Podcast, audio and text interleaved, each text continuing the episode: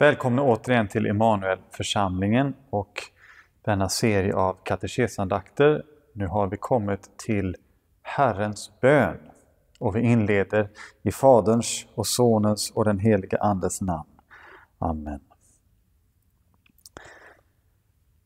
Vi ber först med Saltaren 16. Bevara mig Gud, för jag flyr till dig. Jag säger till Herren, du är min Herre, jag har inget gott utom dig. Det heliga i landet, det härliga, hos dem har jag all min glädje. Det som jagar efter andra gudar får många sorger. Jag offrar inte deras dryckesoffer av blod, jag tar inte deras namn på mina läppar. Herren är min lott och min bägare, du tryggar min arvedel. En ljuvlig lott har tillfallit mig, ett underbart arv har jag fått. Jag prisar Herren som ger mig råd. Även mitt inre förmanar mig om natten. Jag har alltid Herren för ögonen. Han är vid min högra sida, jag vacklar inte. Därför gläds mitt hjärta och jublar min ära. Även min kropp får vila trygg, för du lämnar inte min själ åt dödsriket. Du låter inte din helige se förgängelsen. Du visar mig livets väg. Jag mättas av glädje inför ditt ansikte, av ljuvlighet på din högra sida för evigt. Ära vare Fadern och Sonen och den helige Ande, nu och alltid och i evigheters evighet. Amen.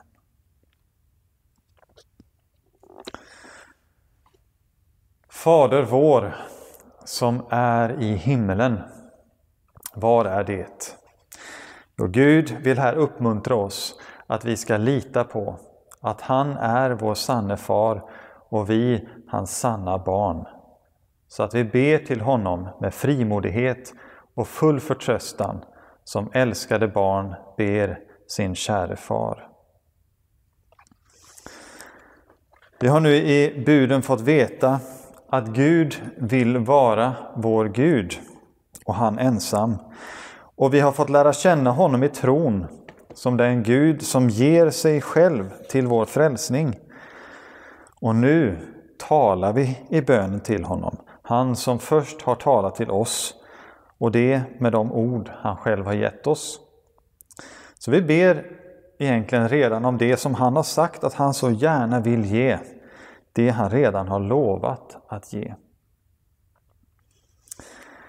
Så denna bön vi nu ska vandra igenom är en gåva till oss från Jesus. Det är den bön han själv gav lärjungarna när de bad honom att lära dem att be. Så därför kallar vi den inte bara utifrån eh, dess första ord, Fader vår, utan även kallar vi den för Herrens bön. Och Det är en bön som vi kan använda som ett slags mönster när vi ber. Eh, men när Jesus gav den så sa han, när ni ber ska ni säga.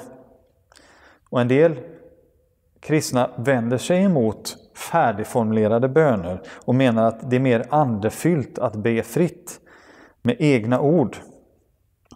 Och en sådan bön, en sådan fri bön kan absolut vara andefylld. Men det utesluter inte att andra böner, andra former av böner också är andefyllda. Skulle inte den bön som Jesus själv har gett oss att be, själv gett oss att upprepa, vara en andefylld bön? Och här kan vi också nämna Saltarens böner. Det är ändå Guds ord i böneform. Skulle inte det vara andefyllt? Å andra sidan kan fri bön många gånger, även om man tänker att då kan man vara väldigt fri och variera sig och så vidare och inte vara låst, men ändå när man betraktar sådan bön så kan den ofta visa sig snabbt bli ganska upprepande och fastna i vissa mönster. Och här kan då saltaren och även andra kristnas böner vara en hjälp att bredda bönelivet. Och inte minst gäller detta också Herrens bön. Det är en oerhört rik och omfattande bön. Så vad kan du komma på? Om du tänker efter, vad kan du komma på som egentligen inte redan finns i denna bön, som inte ryms i denna bön? tänker du efter så blir det egentligen bara konkretiseringar av de olika bönepunkter som finns i den.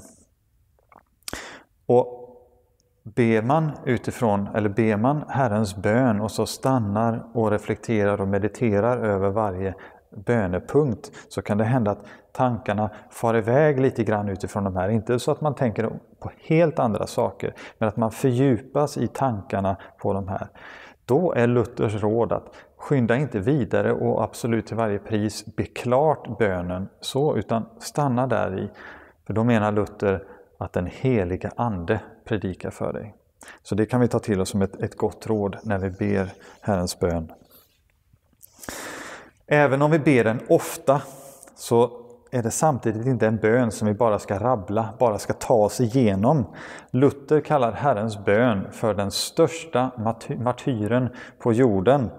Eh, till alla plågar och missbrukar denna bön. Få söker tröst och glädje i dess rätta bruk. Så när vi ber Herrens bön är det bra att inte ha ett för högt tempo, utan att vi tar oss tid att tänka på vad vi faktiskt ber om. Vi går nu vidare då till inledningen till Herrens bön, det som vi här hade i början, Fader vår som är i himlen. I andra budet så lärde vi oss att vi inte ska missbruka Herrens namn. Men Luthers förklaring där förtydligar också att det, det handlar inte bara om vad vi ska låta bli att göra, utan också om vad vi ska göra. Vi ska frukta och älska Gud så att vi inte använder hans namn till förbannelser, svordom, vidskepelse, lögn och bedrägeri, utan åkallar det i all nöd, ber, tackar och lovar. Så i denna senare del, utan åkallar det i all nöd och så vidare, där ser vi dess rätta bruk, Guds namns rätta bruk. Vi ska alltså använda hans namn genom att åkalla honom, be till honom, tacka och lova honom. Och här i inledningen till Herrens bön får vi gräva djupare i vad detta innebär. Vi kan återigen konstatera att Gud har befallt oss att be. Och också att han har lovat att höra vår bön. Jag har redan nämnt några ställen. Men till dessa kan vi lägga Psaltaren 50.15. Åkalla mig på nödens dag. Jag ska rädda dig och du ska ära mig. Och i Matteus 7, eh, vers 7-8 säger Jesus Be och ni ska få. För var och en som ber, han får. Och Gud vill att vi ber och han vill ge oss när vi ber. Därför lägger han också ord i munnen på oss. Sådana ord som är så stora att de egentligen skulle vara makalöst, eller det skulle vara ett makalöst högmod att yttra om inte Gud redan hade gett oss så många uppmaningar, löften och så mycket uppmuntring. Och det är ju det vi har här. Gud vill här uppmuntra oss. Han vill uppmuntra oss så att vi verkligen kan lita på att han är vår sanne far och vi hans sanna barn så att vi ber med frimodighet och full förtröstan som älskade barn ber sin kära far. Ja, Luther säger att Gud vill uppmuntra oss. Jo, han försäkrar oss först när det gäller hur detta är då. Han försäkrar oss först och främst om att vi är hans barn. Han lägger orden Fader vår i vår mun, vår far i vår mun. Och det här är nog större än vi egentligen kan förstå. Att be orden Fader vår är att få be utifrån samma ställning som Jesus har som Guds son. Att be i Jesu namn. Och hur får man då rätten att be i Jesu namn? Jo, svaret har vi bland annat i Petrus pingstpredikan. Omvänd er och låt er alla döpas i Jesu Kristi namn så att era synder blir förlåtna. Då ska ni få den helige Ande som gåva. Döpas i Jesu Kristi namn, det vill säga med det dop som Jesus själv har instiftat. Vi döper i Faderns och Sonens och den helige Andes namn. Eh, men det är på Jesu auktoritet. Och det är det dop som han själv har gett oss. Detta dop innebär att vi förenas med Jesus och förenas med hans död och hans uppståndelse, hans liv som vi läser i Romarbrevet 6. Han är i oss och vi i honom. I dopet tar vi emot Jesus Och om detta säger Johannes i sitt första kapitel. Men åt alla som tog emot honom gav han rätten att bli Guds barn, och de som tror på hans namn. Så när Jesus är vår frälsare och broder, när vi är i Jesus, då är också Jesu far vår far. Och vi har samma rätt som Jesus att komma till honom med våra böner. Jesus säger i Johannes 16 Jag säger inte att jag ska be till Fadern för er. Fadern själv älskar er, för ni har älskat mig och trott att jag har utgått från Gud.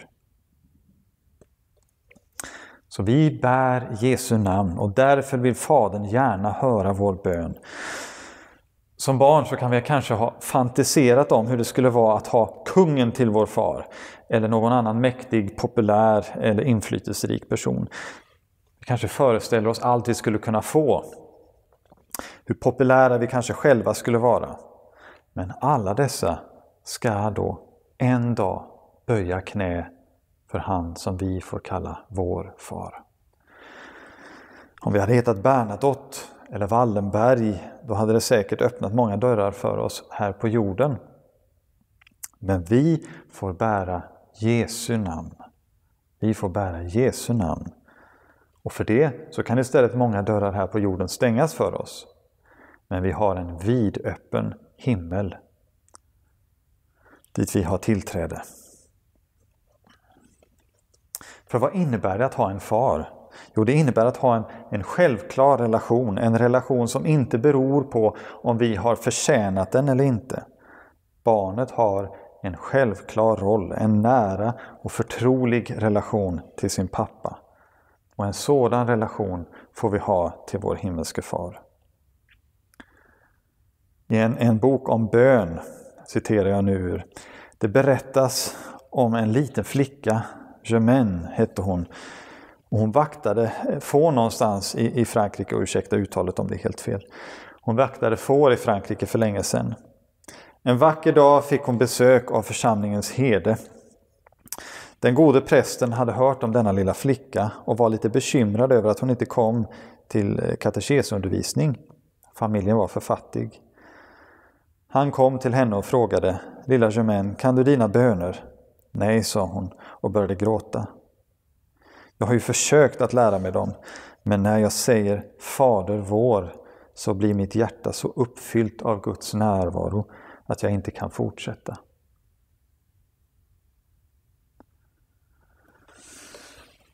Ser det alltid ut så här?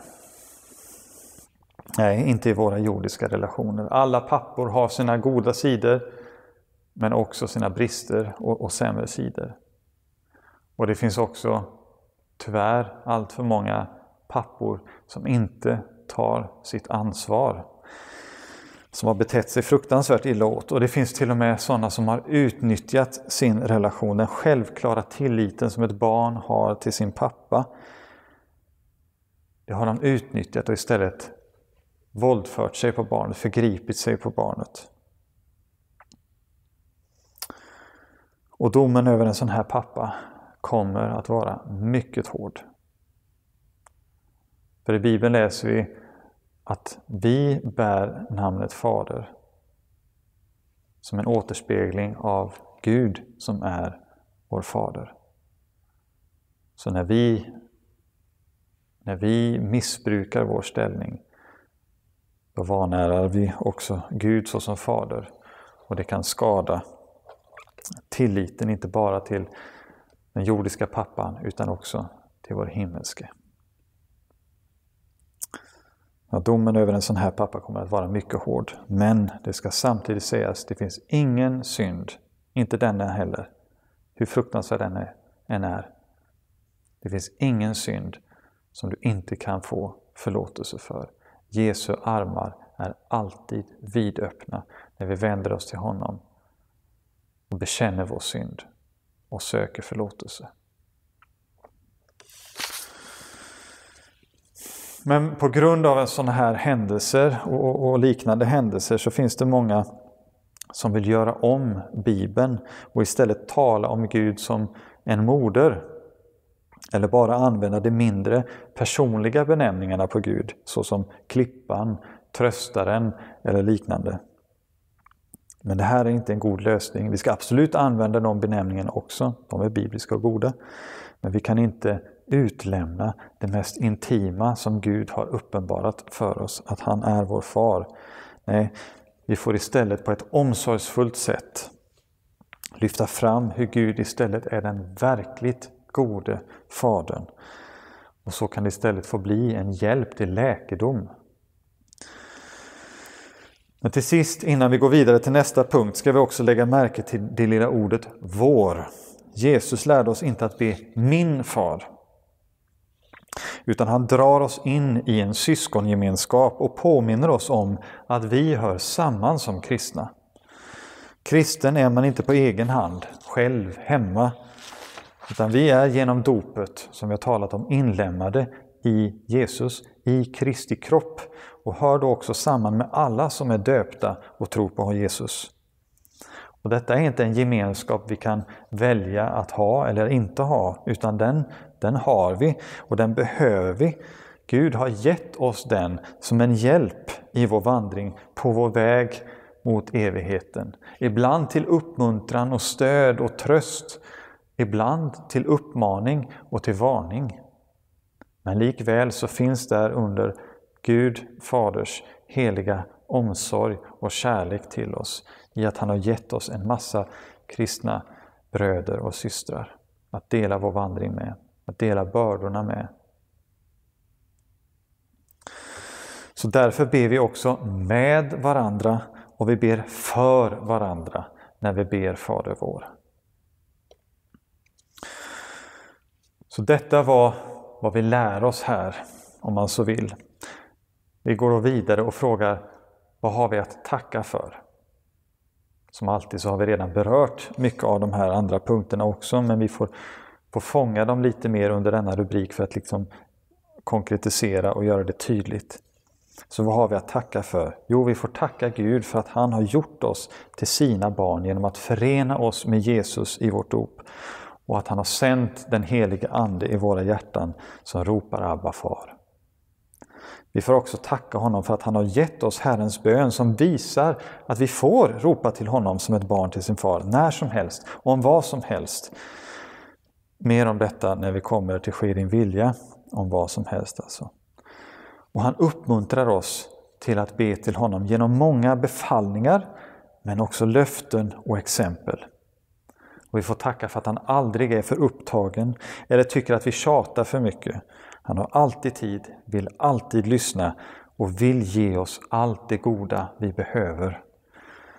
Och Herrens bön visar oss genom dessa bönepunkter vad det är vi och egentligen hela världen behöver och som Gud vill ge oss och hela världen. Vad har vi då att bekänna som synd? Jo, här får vi börja med att bekänna hur ofta vi, vi tanklöst har bett Herrens bön, skyndat oss igenom för att ha den avklarad, utan att vi har tänkt på vad vi faktiskt ber om och hur fantastiskt det är att vi får be. Och att vi inte bara får be, utan vi får be som ett barn till sin himmelske far. För det innebär ju att vi är aldrig ensamma. Att ingen situation någonsin är helt hopplös. Och det innebär att vi alltid har en frälsare, en tröstare och en krigare som står på vår sida mot mörkrets makter. Vi får också bekänna att vi så många gånger glömt att vända oss till Gud när vi haft det svårt. Eller tänkt att det spelar ingen roll. Och också att vi har glömt att göra det eh, för att tacka honom för livet, för tron, att vi får vara hans älskade barn, för frälsningen, för vårt dagliga bröd och allt annat som han ger och gör för oss. Så hur kan vi nog då fördjupa också vår bön i denna Herrens böns inledning? Jo, vår bön får vara att vi mer och mer ska förstå det stora i att vi får be orden Fader vår, vår far. Att det är så mycket större och så mycket mer än vi hittar i någon annan religion. I Kristus är Gud inte bara vår skapare och Herre, utan vår käre himmelske far. Inte som en far, utan han är faktiskt vår far. Inte som en far som att han egentligen inte är det, utan bara som en, någon slags metafor. Nej, han är vår verklige far på riktigt. Och vi får också be att den helige Ande ska påminna oss och hjälpa oss att be.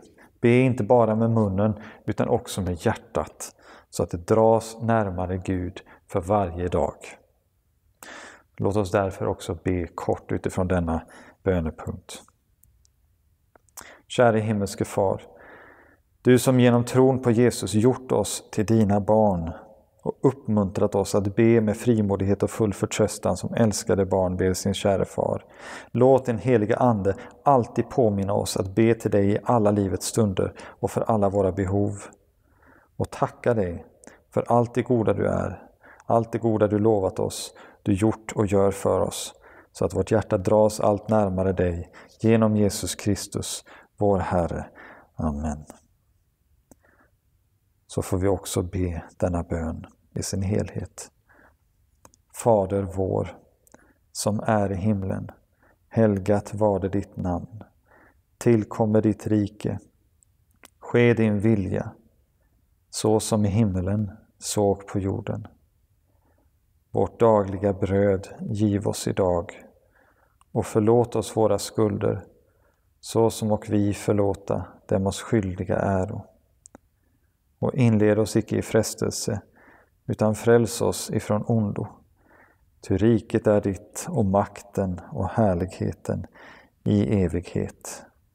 Amen. Vi avslutar vår katekesandakt med att sjunga ur psalmboken nummer 553, Är Gud i himlen för mig. Psalm 553 och texten kommer att komma upp.